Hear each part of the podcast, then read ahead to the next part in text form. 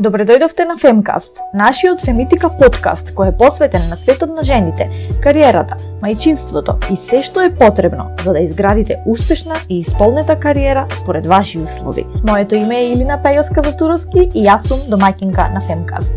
Нашиот подкаст е продолжение на разговорот ресурсите и алатките кои ги наоѓате на femitika.mk секој ден. Ова е подкаст за истражување, неуспеси, триумфи, храброст, страв и пристап на реален разговор кон развојот на кариерата на жените и проблемите и предизвиците со кои жените во нашето општество се среќаваат секојдневно. Секоја епизода е различна и ќе дискутираме на различна тема. Многу често ќе имаме и гостинки и со нив ќе разговараме за научените животни лекции поврзани со кариерата, мајчинството и семејниот живот и ќе истражуваме разни бизнис и кариерни стратегии кои тие ги откриле и од кои сите може да ги користиме во нашите собствени животи. Овој подкаст е за учење од најпредизвикувачките времиња, но заедно, бидејќи едно е сигурно, дури најтешките моменти можат да ја трансформираат вашата кариера и живот на подобро.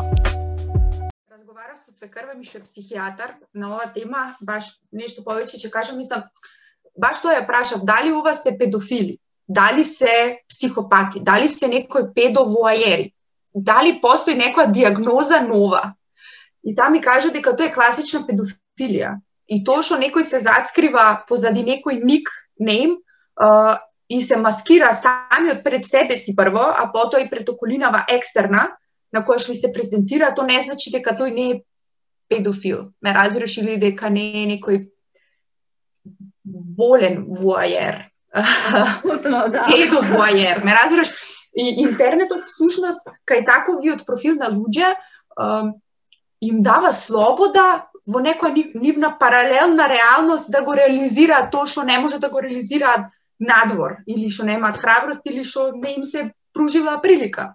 Точно, да, апсолутно се согласувам. Да, да, или некој револт, исто така некој револт голем да. против се што е женско, а, некоја лутина огромна и некоја, а, али мислам дека тоа е проблем исто самава нивна машкост и како тие сами се, самите себе си се дефинираат и што за нив представува машкост. Заради тоа што Симон де Бовар викат во незинава книга Вториот пол дека само медиокритетен маж има потреба да се постави како полубог, како некое полубожество над жената.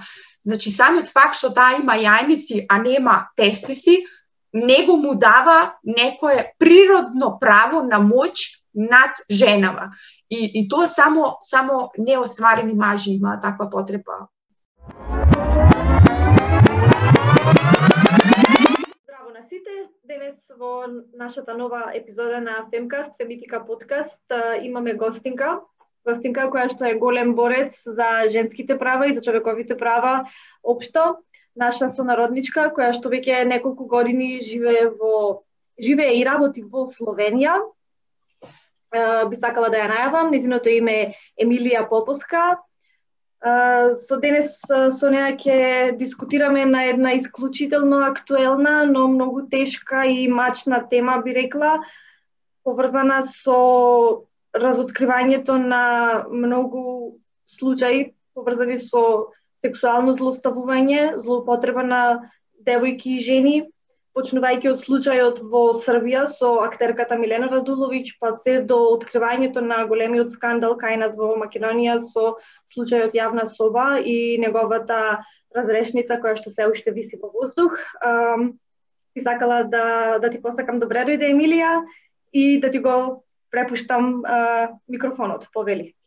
А, фала ти, Илина. А, ние две се познаваме долго време а, и пред многу-многу години сме ги започнале овие непријатни а, теми, и искрено морам да ти кажам дека сум исклучително среќна што нити јас, нити ти не сме изгубиле таа детска наивност, тој наш идеализам, дека преку зборување, преку разговарање, преку дебатирање може да се решат најголемите проблеми во денешницата. Ти благодарам за шансата да, да, да кажам збори два, може би повеќе, на оваа тема. А, морам да кажам дека а, во мојот живот и лично ми се случиле многу а, немили случаи, А, меѓутоа, искрено и многу и сум читала на оваа тема, заради тоа што сакам да ги препознам тие случаи што би ми се случиле или што ми се случиле. А, и заради тоа а, би те замолила да ми дозволиш а, да почнам со еден мој слободен превод со оглед на тоа што книгата на нашата Румена Бужаровска, мојот маш, ја имам во словенички јазик, заради тоа што ја раздавам по пријателки во Словенија, а, така што во еден мој слободен превод а, би ја започнала оваа наша дискусија. А, книгата Мојот маш е книга која што се состои од неколку а, раскази кои што го опишуваат патриархатот, а, родовата нееднаквост во нашата а, земја, но јас би рекла и пошироко во а, регионот. Мојот маш се значи, а, Овој раскрс всушност е разговор помеѓу маш кој што многу сака да слика во своето слободно време и има сопруга која што сака да пишува поезија во слободно време и како мажот разговара со неговата сопруга кога таа ќе му каже дека обожава да ја чита поетесата Силвија Плат. Си приметила ли дека сите врвни уметници се машки? Зошто мислиш дека е така? ме праша. Почнав да размислувам сакав да му кажам дека жените немале услови да се занимаваат со уметност. Тоа не им било дозволено. Или па по цели денови биле дома со децата. Тоа е нешто што и јас го правев, дури ти одеше на конференции во Кина, Африка и Европа, помислив. Тој продолжи. Знаеш зошто? Затоа што мажите се дух, жените се тело. Мажите се креативни, а жените практични. Мажите гледаат горе, жените доле. Жените едноставно не можат да бидат уметници, затоа не се способни, оти тоа не име во природата. Um, мислам, насилството може да биде во различни форми, како што гледаме. Тоа може да биде еден збор, може да биде многу зборови кои што 30 години некоја жена ги слуша, а може и да биде објавена слика во некоја порно група на интернет, може да биде објавена на YouTube, може да биде објавена на некој порно сајт, апсолутно во сите облици. Заради тоа мислам дека пред се е потребно ние како жени, како што кажав, да се образуваме, да читаме и да знаеме кои се нашите права. Да, и за да знаеме кога всушност некој тие права ни ги прекршува би сакала да кажам дека Извини, што јас прекинав. да, мислам нема нема прој. Да. На пример, мене ми се случи кога јас почнав да работам во Словенија, започнав да работам во една меѓународна компанија која што всушност се занимава со финансиско советување а, во екстерна форма. Значи, вие одите на терен, имате состаноци, разговарате и нудите финансиски решенија. И една моја драга колешка, која што е неколку години постара од мене, дури бевме на ручек, еден ден ми кажа, кога бевме ние две сами, немавме ниту еден колега кој е машки, ми кажа, Мирја, морам да ти кажам заради тоа што си млада и сега почнуваш во кариерава и морам да те спремам што се може да ти се случи кога одиш на состанок. Може да ти се случи во отсутство на некој стол, во некоја конференцијска хала каде што седнуваш, директорот на некоја фирма да ти каже Па добро, нема стол, седни ми во скут. Може да ти се случи некој да ти каже дека имаш супер нодзе, зошто ги криеш кога доаѓаш на состанок, би можела да дојдеш во пократка сукна нареден пат. Може да ти се случи некој колега, доколку некоја странка е фина со тебе и ти понуди, на пример, вода на состанок, може да се случи некој колега да почне да коментира дека може би ти имаш афера со тој а, со тој а, клиент заради тоа што ти понудил вода. Значи тоа се некои работи кои што на пример на машките колеги не им се кажуваат кога започнуваат со некоја кариера.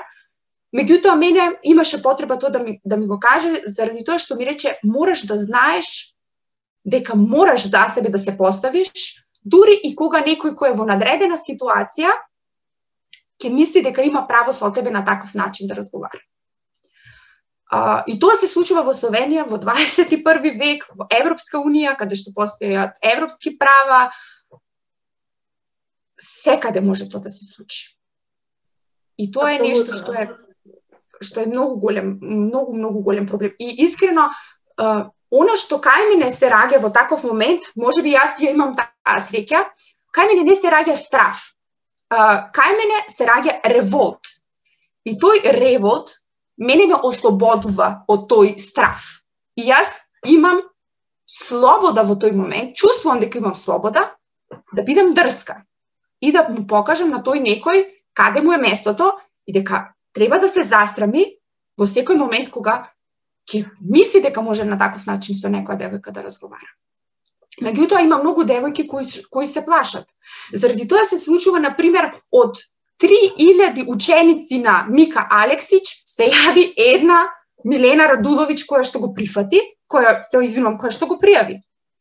И заради тоа покрена понатаму и други девојки им даде моќ и сила да го направат истото.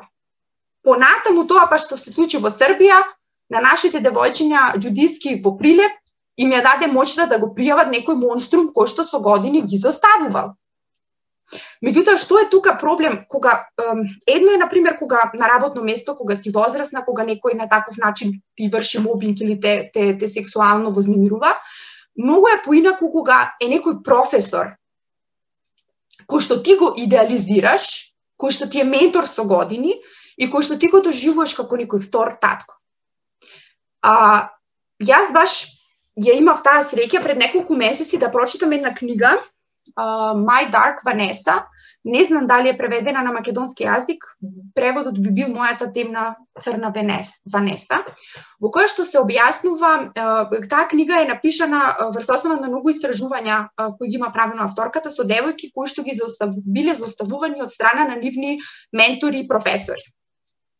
Значи, таа девојка во книгата uh, беше злоупотребувана од нејзиниот професор по книжевност, да дури таа учела во интернат.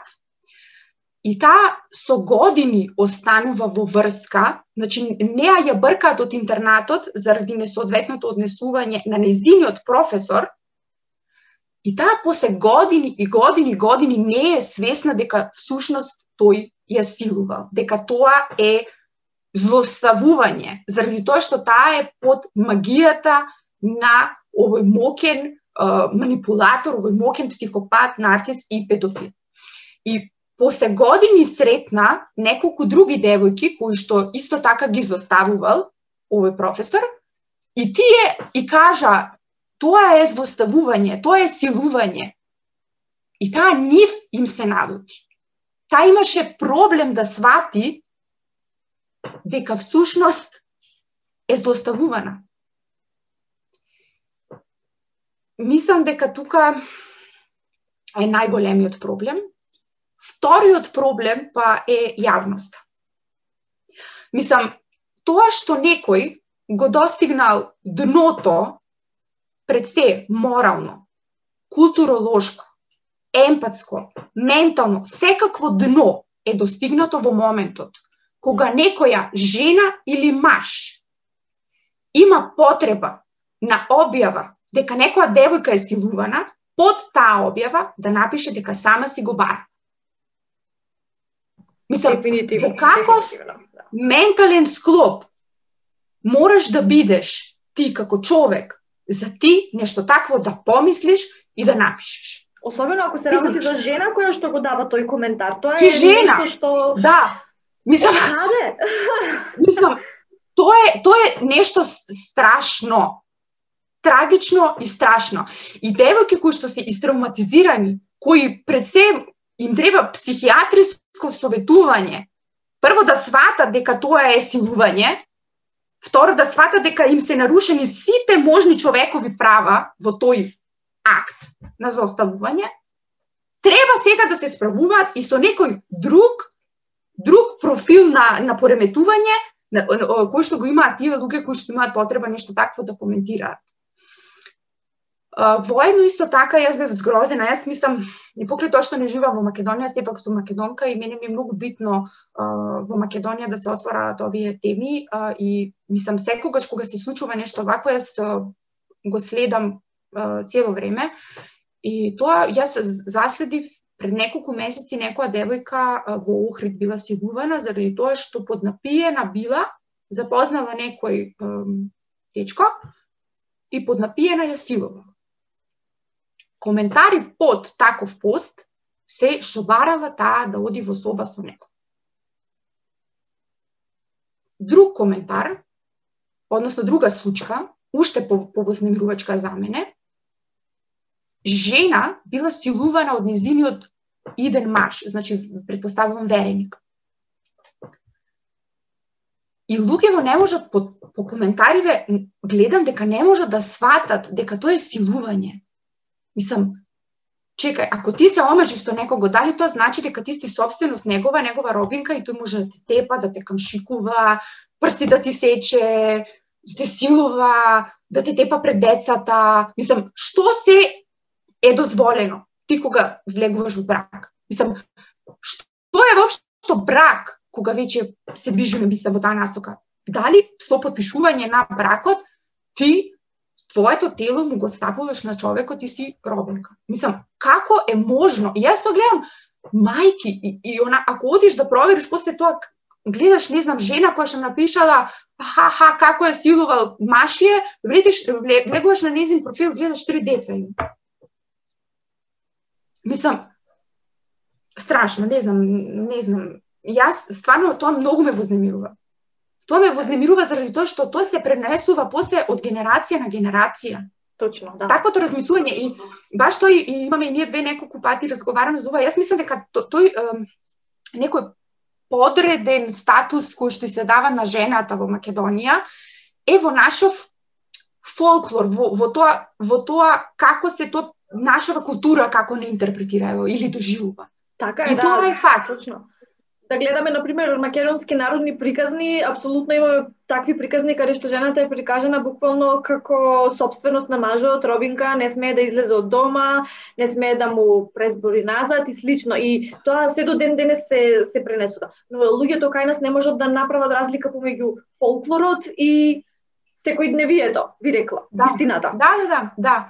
И а, мислам, јас морам да кажам дека и во Словенија има сега добро нормално не е тоа дека секој македонец така размислува или дека секој словенец така размислува. Далеку од тоа, меѓутоа јас зборувам дека може да се случи и во Словенија да, да има некој таков начин на, на размислување.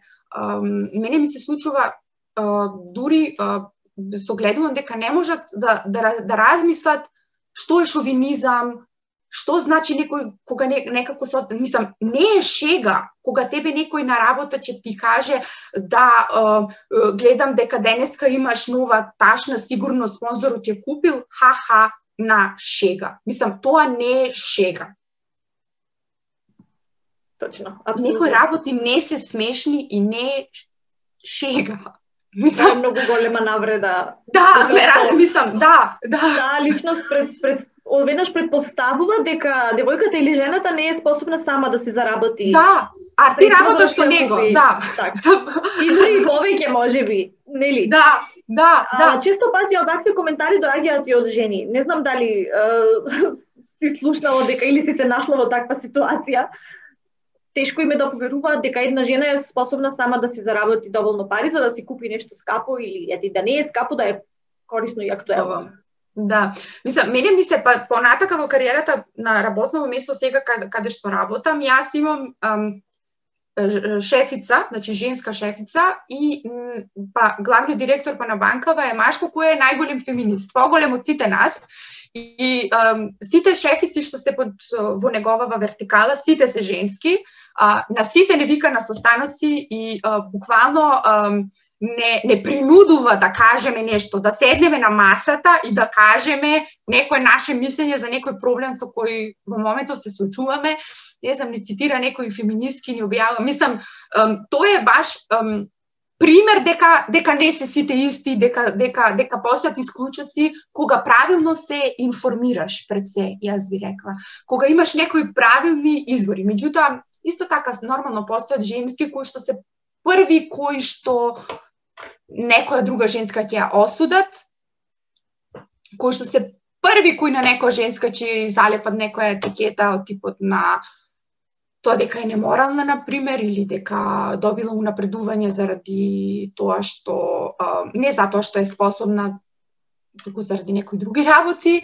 Така да, често, често се случува и тоа. Тоа исто така го приметувам и мислам дека и тоа е проблем заради тоа што информациите кои ги читаш што читаш, што учиш, како размислуваш. Мислам, не знам, јас имам ам, мојот животен сопатник е а, кандидат за адвокати во ам, покрај тоа што се занимава со со бизнис право, ам, многу често работи на и на каз, на казнени случаи, на стилување и исто така и на навреди кои што ги упатуваат јавни личности на други јавни личности. А, често тоа исто и го работи од некои алтуристички побуди. А, и во моментов а, имаше една една навистина тешка тешка случка во која една девојка беше силувана и тоа беше снимано и објавено на Snapchat. Самото докажување на тоа силување е исклучително, исклучително тешко. Пред се правно зборувам како законите во, во Словенија се, се, се обликувани. Понатака, самото испрашување на девојка од страна на адвокатите е уште попрутално, заради тоа што та одма се оди на тоа да се провери колку други партнери имала пред тоа, како комуницирала во пораките со тие други партнери, дали зошто понатака откако била наводно силувана, зошто понатака продолжила да биде во во во некој контакт со со силувачот. Тоа е страшно. Значи тоа се стварно многу многу тешки теми и патот кој што жртвите треба да го изодат е, е, е, е исклучително, исклучително тежок. Сега би сакал да се осврнам на социјалните мрежи, што во моментов мислам дека се вториот да. главен проблем. Значи, прво е ова што што немаме никаква свест што значи сексуално заставување, што значи сексуално вознемирување, мислам едноставно Абсолютно. немаме идеја за тоа. А вториот проблем се социјалните мрежи. Социјалните мрежи, да, а, мислам дека ние сме дискутирале нели дека социјалните мрежи на луѓето им дадоа на вистина една голема слобода, секој да си земе за право да може да каже што сака, но дефинитивно за некои коментари, некои теми треба да се има одредена граница. Еве и Телеграм апликацијата е еден вид социјална мрежа каде што луѓето комуницираат меѓу себе и во овој случај споделувале компрометирачки фотографии без знаење на млади жени и девојки од цела Македонија до, та, до тој степен што се споделувале и лични податоци, телефонски броеви, дури можеби и адреса на живење. Колку е тоа опасно самото по себе, зборува за фактот што некој што е голем манијак психопат или како и да е, може на таа личност да и дојде денес и утре на врата. А, морам да кажам дека во Македонија нема е, законско решение кое што го регулира однесувањето на луѓето на социјалните мрежи. Не е предвидено никаква казна ако некој напише некаква клевета или закана против обична личност. Јас не сум слушнала за такво нешто дефинитивно треба да биде опфатена во некаква законска рамка, ако ме прашувате мене, за не, за не секој да може да се земе за право, да се да напише коментар каков што спомнати предходно, дека личноста, жртвата, девојката сама си го барала за таков некој грозоморен чин.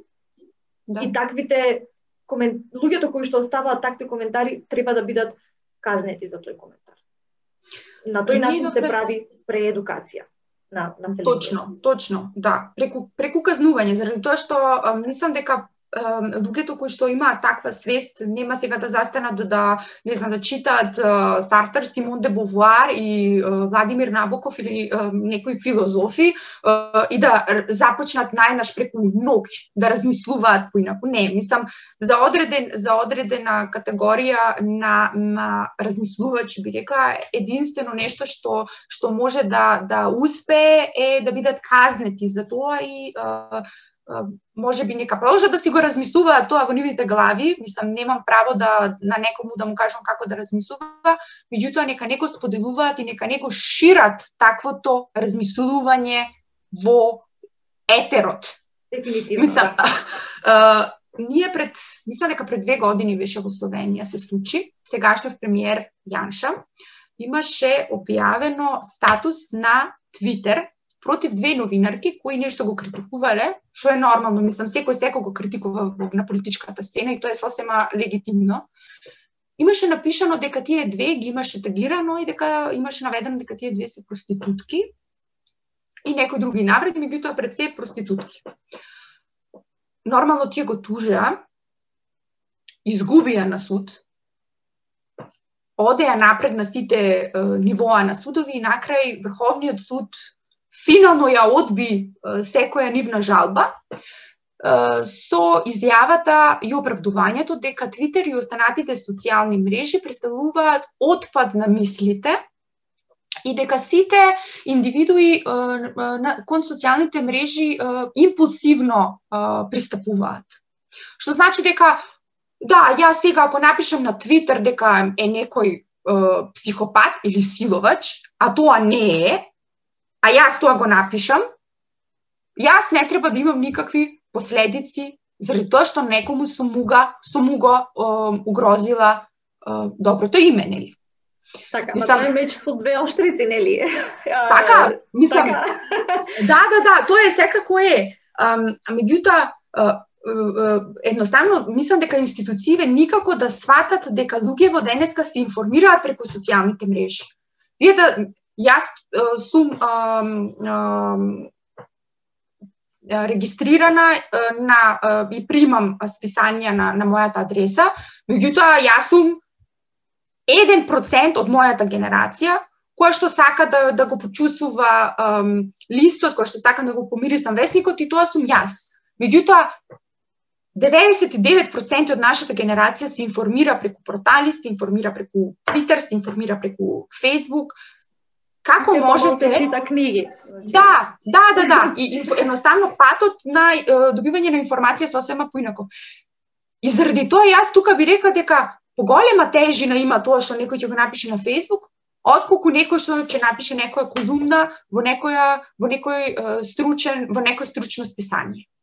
Заради тоа што едноставно не знам конкретно мислам дека премиерот има можеби 30.000 луѓе кои го следат а нај најтиражниот весник во Словенија 10.000 луѓе се на него преплатени. На пример. Така мислам неспоредливо е. Истото е и сега со со ова ситуација со јавна сопа. Јас не можам да сватам ем, и имам морален и етички проблем, имам баш сум во дилема како е можно да се мисли дека само ако се исклучи таа група конкретно јавна соба, дека со тоа ќе се реши проблемот. Нема да се реши проблемот, заради тоа што тие луѓе имаат физиолошка потреба име да обштат на таков начин, да добиваат слики за од 14 годишни девојчиња, 15 годишни девојчиња, нивни броеви. Не се лечи. Значи тоа е нивна физиолошка потреба, како што е моја потреба да јадам или да додам да трчам вечерва, така тоа е нивна душевна храна и единствен извор на среќа може би во текот на денот. И, мислам дека дека дури и зависност се креира. Мислам дека овие сиве социјални мрежи ти сигурно подобро знаеш ти си ти си во таа струка, меѓутоа тоа е се на таков начин испрограмирани за ти да да си зависен од тоа. Значи да ти дадат некој константен стимул, ти само да гледаш, да гледаш, да гледаш, да се прави рефреш, да се прави рефреш, аха, сега некоја нова слика, а ова имаше 13 години, да, ова имаше 15, мислам, тоа е едноставно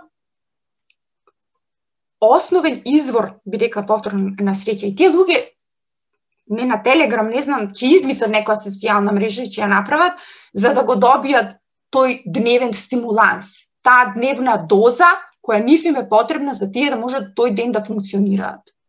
Точно така, така што и не може да знаеме дали постои само една таква група токму на таа социјална мрежа Телеграм или уште колку други такви групи постојат на други средства за комуникација како Viber, WhatsApp и слични нели што што ги користат за за комуницирање. Ја одбрале Телеграм предпоставувам затоа што таа е препорачена како најбезбедна во смисла дека не можат да прислушкуваат ако се прави комуникација преку таа мрежа, но меѓутоа требаше не знам, не сакам да речам требаше да размислуваат, затоа што очигледно не размислувале кога ја направиле таа група, дека едноставно ова ќе излезеше во јавноста еден ден.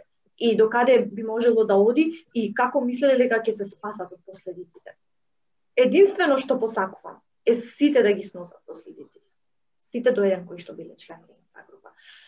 Прочитав нешто застрашувачко денес, дека имало и полицајци во групата, што воопшто не ми се допаѓа искрено, затоа што ако е така, тогаш треба да се да се спроведат најригорозни истражувања и да се, да се сносат најголемите казни.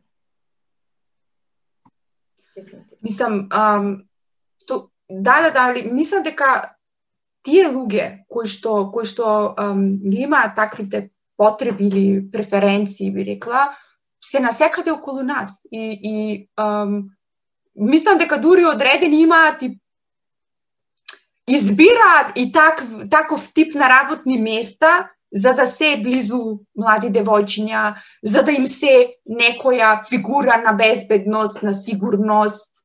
А, едноставно си ги скриваат ам, тие некои пориви. И намери би рекла, нели? И намери, воедно и, да. и, и намери, заради тоа што исто така гледав конкретно се случајов на во Србија дека воопшто инспекција не била не направила никогаш проверка или контрола во таа школа заради тоа што тие таа школа конкретно таа мислам дека ствар срца се вика. А, всушност, не била ни класифицирана, не била ни пријавена како школа и заради тоа воопшто не била во надлежност на Министерството за образование. така да немала никакви контроли. Мислам, и воено исто тука, тука во, во, во Србија конкретно, а, мислам дека голем проблем е, е начинот на одгледување. А, и а, многу од тие родители кои што ги праќале тие деца, ги праќале под а, мислата дека таму постои едно строго патриархално а, одгледување на тие деца, каде што доколку се молеле на почетокот, женските носеле долги сукњи, а, послушни биле. Мислам, едноставно тоа е еден шаблон на размислување кој што треба да се промени едноставно треба да се промени. Точно, да. Затоа и тоа ќе боли. Маска само нели да, да, да, и слично. Да, да, да, да, да, мислам исто така конкретно овој тренерот, ова се извинувам, тренерот од од од, од Прилеп, а, мислам некои ултрарелигиски објави на неговите социјални мрежи, некое лажно пласирање а, на некој морал а, само за да влее доверба на родителите дека нивните деца кога ода на тренинг се во правите раце. И тука морам да кажам дека никој не е крив. Нити родителите се криви, нити децата се криви, никој од нив не е крив и не треба да биде обвинет. Крив Абсолютно. е само предаторот. Крај крај и, и треба, меѓутоа воедно исто така се согласувам дека и предаторот заслужува фер судење. Значи треба апсолутно и неговите права би рекла на некаков начин во тој судски процес да бидат заштитени. Меѓутоа кога 30 девојки некога ќе го обвинат за секс, или за вознемирување или за силување, мислам дека статистиката која што или рационално во размислување ти кажува дека тука сигурно има нешто. Дека нема тореска шанса 30, 60, 10, 3, 2 да лажат. И мене многу ми се допаѓа девојката која што прва го покрена а, јавно во движење за јавна слоба, би рекла што таа нема никаков и тоа што го кажа дека тие сакаат таа да го избрише бројот, дека тие сакаат да, да го избрише профилот, да се срами од самата себе си, да се скрие некаде, меѓутоа таа тоа нема да го направи, заради тоа што тоа не е неизин срам. Тоа е срам на 7500 луѓе кои што општат во јавна сума. Токму така. Тоа е апсолутно точно. Многу храбро. Многу храбро од незина страна најпрво храброста да се излезе јавно, па потоа и таа изјава, мислам дека лавината која што ја покрена е во Македонија. Ова не се случило до сега. Ме, многу ме подсетува на тоа што се случи во 2017 година во Америка со движењето МИТУ, нели кога озлогласениот Харви Вајнстин го вина многу познати актерки и тоа исто така подсетува и на случајот во Србија. Да. Тоа е всушност една еден пример дека таквите предатори, злосторници, насилници толку многу се добро скриени во општеството со нивните мас... скриени, маскирани, по смисла на луѓе кои што се успешни, кои што сакаат да им помогнат на другите да ги исполнат своите цели и така надаму, а но меѓутоа живеат за една маска, живеат еден друг живот а, и треба на нашето население, нашето општество да се освести дека предаторите и сексуалните злоупотребувачи не се кријат во грмушки во денешно време. Да. Дека се тие се оние кои што се постојано присутни во сите сфери на општеството. Може да бидат да, да, професори, точно така. доктори, наставници, тренери во овој случај и така да. Меѓутоа, од друга страна, мислам дека децата и нормално и ние кои сме дел од активнава работна сила, ние мораме нормално да продолжиме да функционираме. Ние мораме да да не знам децата на вистина не знам ако некој сака да спортува да оди на џудо, треба да оди да спортува џудо. Не знам јас ако некој сака да свири инструмент, треба тоа да го реализира. Значи, стравот не треба да да не спречи да живееме, да го живееме животот со полни гради и да си ги остваруваме некои наши амбиции и цели. Меѓутоа, мислам дека мораме да бидеме свесни дека нешто лошо се случува кога нешто лошо се случува. И дека мораме да се одбраниме. А доколку сме, па, малолетни во овој случај, конкретен, пред се мислам дека треба да прво да им се обратиме на родителите. Точно, да постои комуникација со родителот. Да постои комуникација со, со um, родителот, um, еден отворен однос, uh, заради тоа што никој не може да ти помогне како што може да ти помогне родител. Точно. И um, мислам дека тоа што како uh, Милена Радулович и, и сите останати uh, девојки um, на никому не кажале, долги, долги години, заради тоа што им било страм, им било страв и не можеле да сватат всушност што се случи. И тоа мислам дека е најголемата трагедија. Да. Јас размислував многу за тоа, искрено. Тој момент мене лично ми беше незамислив, што јас не само како родител, туку нашата генерација живееше како деца, нели, како тинејџери, немаше ги немаше овие опасности тогаш од социјалните мрежи, затоа што тогаш се појавуваа ние кога бевме тинејџери. Во таа во, во тие времиња, нели, пред десетина години. И нашите родители не мораа да се грижат за опасностите од социјалните мрежи, но меѓутоа секогаш, барем мене, јас имам две помали сестри, значи ние сме моите родители имале три керки и морале многу внимателно секогаш да не предупредуваат на вакви работи. И кај нас во моето семејство барем никогаш немало табу теми.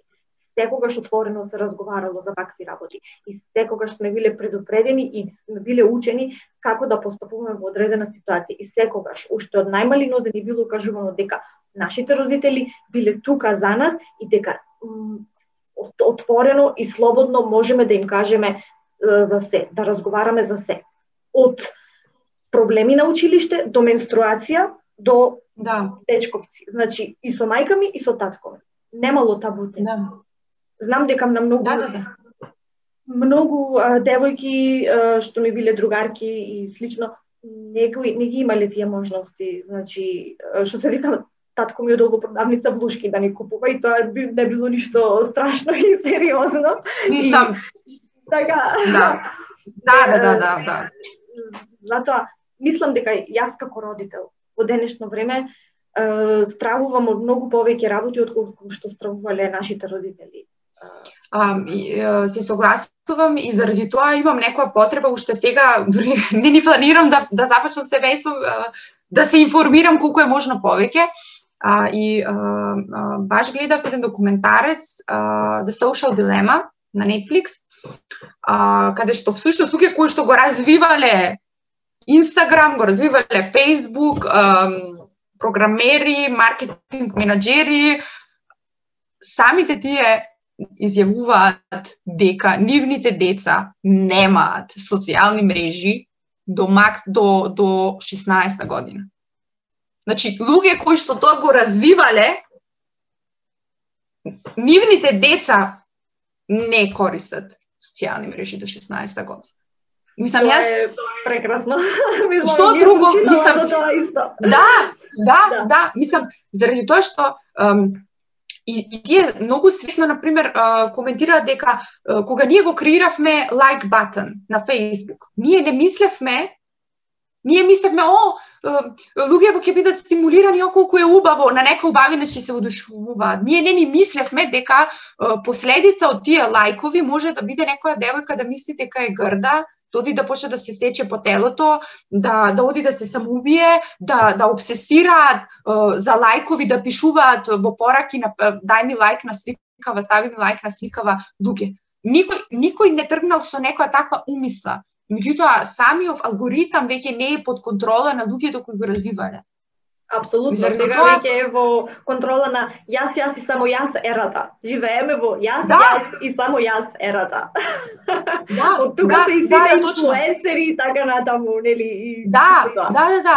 И, и, и тој некој, мислам дека тука, конкретно Facebook, кај Facebook најголем проблем се некои информации и лажни вести кои што можеш преку Facebook да ги добиваш, особено политички, заради тоа што мислам дека, не знам, врз на тоа што следиш, тие зазнаваат, не знам, дали ти си лево или десно ориентирани, потоа ти дават само информации, не знам, за Берни Сендерс или информации само за Трамп и ти добиваш само еднодимензионална слика. И заради тоа луѓе мислам се спремни, не знам, додат во некој лажен протест што воопшто не постои затоа што прочитале на Facebook дека некаде нешто се протестира. Апсолутно, Инстаграм... да, и со, се, и со се останато, не само затоа што те профилираат, ти прават профил да. на своите интереси всушност. Да.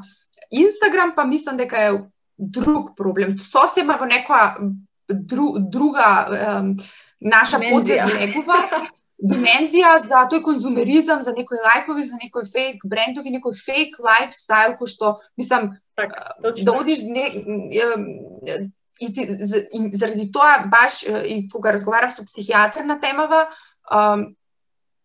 ми кажа дека всушност преку некој лажен никнейм, преку некое лажно име, преку некој твој псевдоним, псевдоним ти всушност влегуваш во некоја астрална проекција на твојава реалност, каде што е окей, не знам, да презентираш дека си купил нешто што не си купил, а уште по окей е да гледаш младолетнички во некоја а, група, каде што ти мислиш дека ти си педофил само во таа изолирана реалност. Ако само на групава гледаш некоја пет, гола 15 годишна, тоа е окей.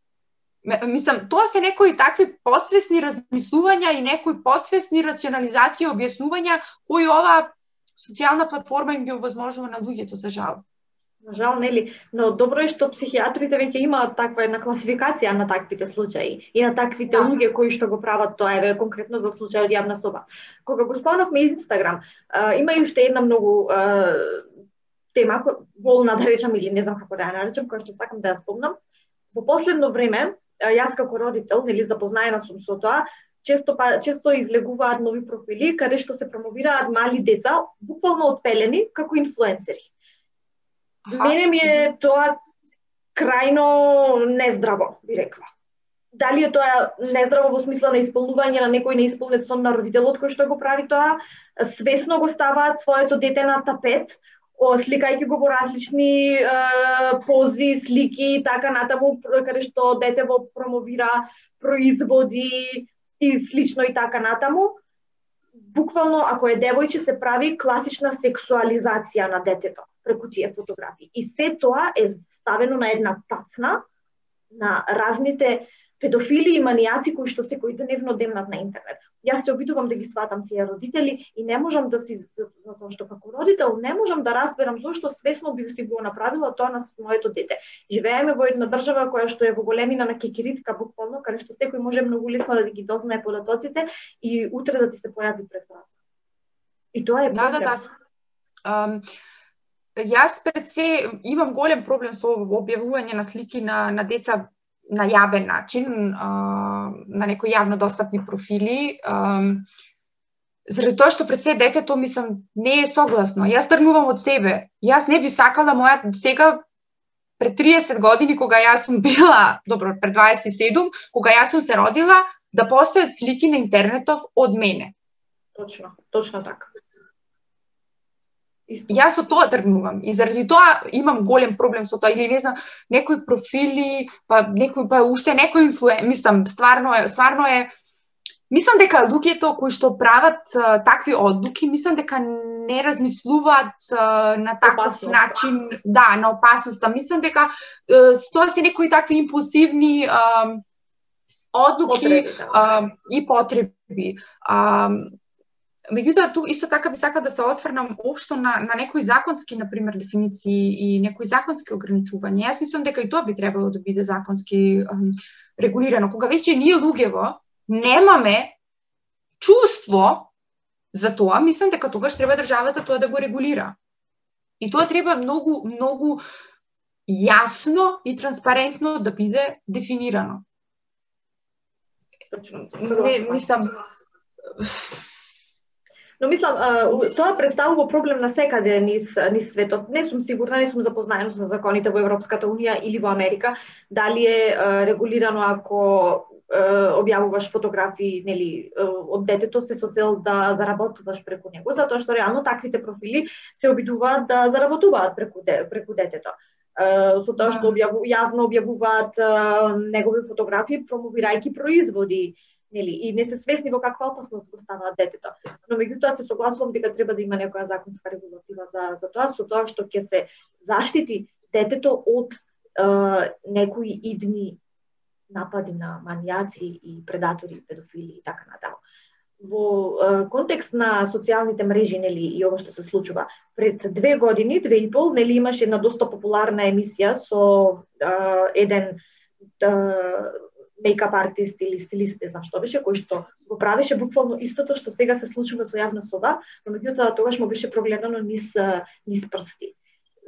Симнуваше фотографии од малолетнички или од млади девојки кои што се полнолетни и ги смеваше не само на социјалните мрежи, туку и на телевизија.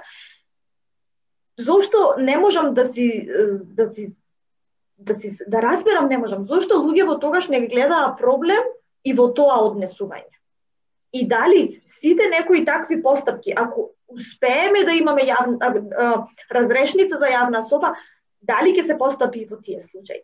Затоа што и таквото однесување и ставањето на тие девојки на тапет беше некој вид малтретирање и е, нанесување е, психички трауми кај тие девојки кои што беа јавно исмејувани од таа личност. Еве вака ајде да разглобиме на таа тема. Да, јас би сакала, мислам, јас секогаш се ставам во позиција на другиот. Знаеш, зошто некој така се однесува? Што во него го тера така да се однесува? И можам, например, да разберам некој стварно има диагноза дека е, не знам, педофил или некој има стварно диагноза дека е нарцисоиден, некој има... Мислам, тоа можам да го обяснам, меѓутоа, ова не, не можам да си го обяснам што во, во тебе треба да постои за ти да имаш потреба некого јавно да го исмеваш, да го, мислам, тоа не е смешно. Јас морам да кажам дека мене, мене не ми е тоа смешно. Нека девојка која имала плава коса, дека е оштетена и јас да се смеам на тоа. Мислам, Точно така. Да. Едноставно тоа не е смешно. И проблемот тука беше што и тие девојки го пријавија него како насилник во полиција и полицијата, односно немаше законска регулатива, немаше право според која што можеше да им помогне, едноставно се извадија на фактот дека нивните слики биле јавно достапни и не можеле тие ништо да направат во врска со тоа. Многу погрешно, значи толку многу работи се нерегулирани и треба да бидат ставени во една законска рамка со која што луѓето ќе бидат заштитени прво од крадење да. на фотографии. Јас, на пример, ево би кажала дека јас не се согласувам со тоа социјалнава мрежа да ги цензурира девојките. ме разбираш, на пример, со сега или ситуацијава со Доналд Трамп, не се согласувам а, дека Марк Зукерберг или не знам кој е председник на Инстаграм треба да се изигру, изигрува бог на неговиот алтернативен универзум и сега тој да одлучува кој ќе може што сака да каже, кој не. Точно. Значи, точно, да. Јас мислам дека тука треба државата да стапи на сила. И Значи, да пресече. не може и да пресече. Значи не може да се очекува дека ако, ако дека а, директоров на Инстаграм а, треба да, да да цензурира. Не, тоа треба државата да а, да а, има јасно дефинирани закони и да да и да и да посочи какви а, т- треба да да да а, претрпи една личност која што на таков начин општи во најавен сервис. Мислам и мислам дека се тотално е пореметена границата што може да се напише во коментар, тоа што и ти кажа, што може на телевизија да се изговори, што може да се напише некаде во некоја колумна. Мислам, тоа е тоа е стварно е страшно и и опасно пред се. Мислам, што ако некоја девојка например која што ја објавил например тој мейкап артист, веќе има некаков проблем со а, депресија и заради тоа се фарбала така како што се фарбала во косата. Заради тоа што сакала да се развесели и си се изфарбала плава. Како и кој би одговарал доколку како последица од јавното исмевање таа девојка си го одземе животот. Кој би одговарал? Точно така.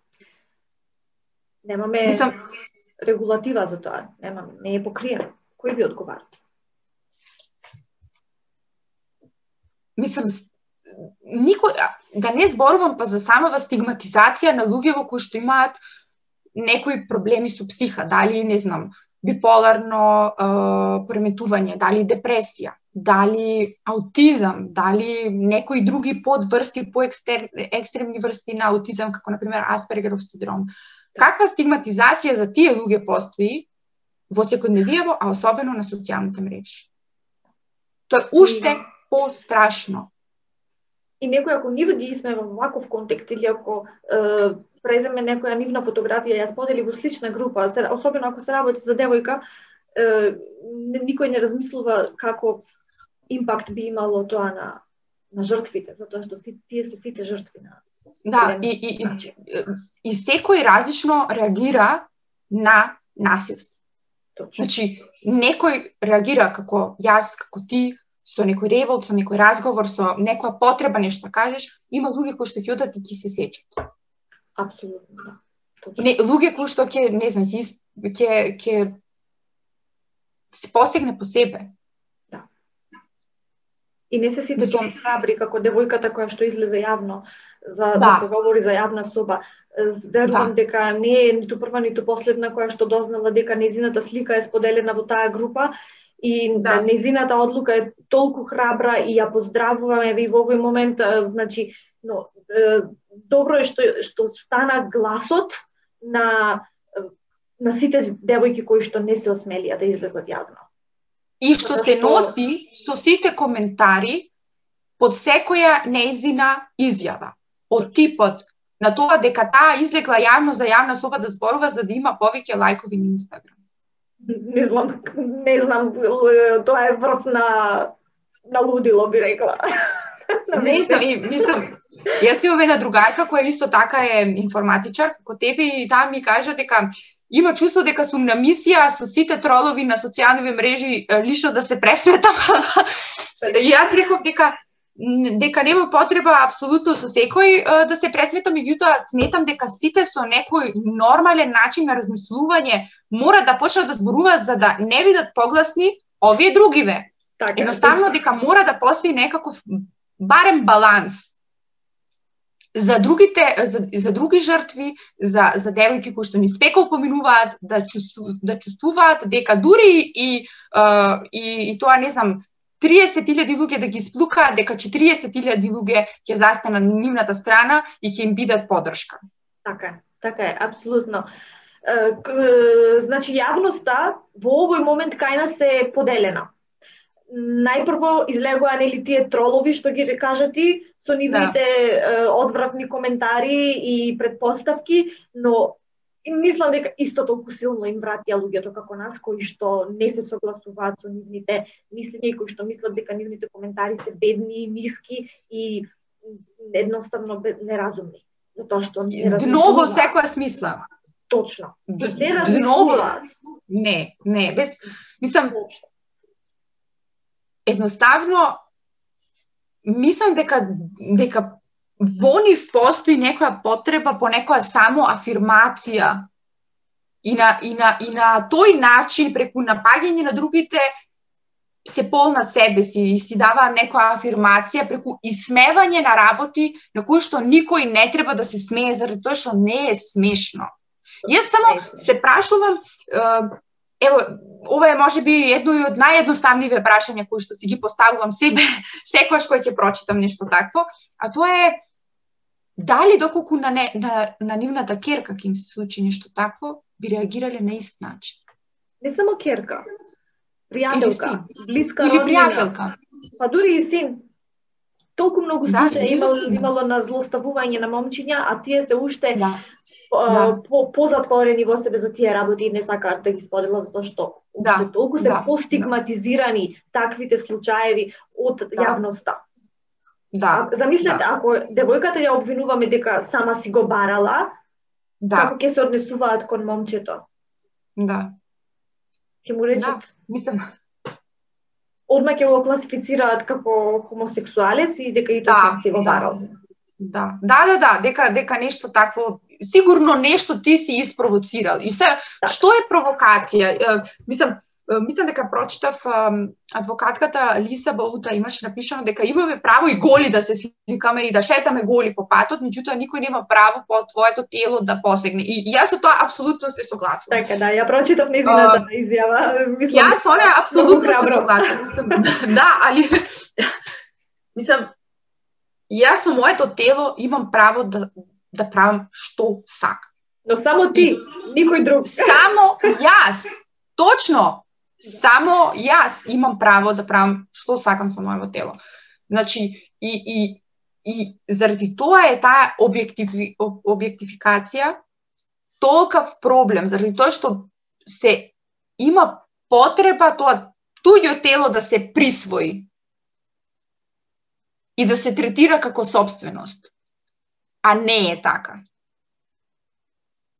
И мислам, доколку ја читате, на пример, книгата на на Волков Лолита, мислам, тој човек, тој е Хамберт Хамберт, во книгата е педофил. тој во себе, тој за себе не мисли дека е педофил. Во таа книга тој некои љубовни чувства чувствува. Тој мисли дека девојчето од 10 години, 12, кое тој го составува, со него флертува. Значи, тоа е диагноза. Точно, да. Да ти мислиш дека некој тебе те провоцира заради тоа што облекол сукња. Так, некој е такво истражување прочитав кај Пример. Игор Јурич, тоа е човекот на Тијана Јурич, тат, таткото, извинете, на да. Тијана Јурич, девојката која што беше uh, убиена пред неколку години, а пред тоа и да. нападна да, силувана, дека имаше многу добар опис, дека педофилот всушност на некој начин не е свесен, не се гледа себе си како возрасен. Тој да, е, има да. такво пореметување, мисли дека е дете. Да. И обично таквите да. луѓе ги носат тие трауми од детството, обично да. тие потекнуваат од мајката, од нивната приврзаност за мајката и тие не можат да се да сватат дека се возрасни. Додека личноста која што е сексуален злоставувач и предатор, тоа го прави свесно. Значи, да. знае дека е возрастна личност и свесно злоставува други малолетни лица, кои што најчесто не се деца, но меѓутоа се малолетни, тинејџери би рекла, и возрастни. Таа да. класификација и поделба на Да, точно. А, меѓутоа таа таа нивна тоа е посилно од нив. Так. Тоа е нивна потреба за тие да можат преку денот да, не знам, да, да можат да одат после да јадат, можат после тоа да одат да спијат. Значи тоа е една физиолошка потреба на некое празнење од самите себе. Um, така Како што да ги класифицираме овие да. сега што се во јавна соба? Како? Како што рече, Јас мислам дека поајери некои. Да, да, да, да, да, да, да, да. И тоа тоа тоа е најсимптоматично што тие мислат дека ако си го сменат името и никнемот на јавна соба, заради тоа што нели нема нивно нивно име, таму мислат дека не се всушност тоа што се. Што е најго, најголема иронија овдека. Да, и, и ни, не знам, насилство па во, во, во врска, насилство во, во брак, насилство, тоа е па исто така толку, толку, толку страшно и тоа е ам, Мислам дека најдинствен начин жените со тоа може да се изборат, кога веќе зборуваме за веќе насилство во, во врска или во брак, преку нивно образование и нивна финансиска независност. Независност, да, точно. И мислам дека заради тоа всушност овој шовинистички дел на политичари или на луѓе кои кои кои го движат јавното мислење имаат проблем со со таа јавна со таа финансиска независност и со таа емансипација заради тоа што ги угрозува нив и нивната надмокна положба. Така, да.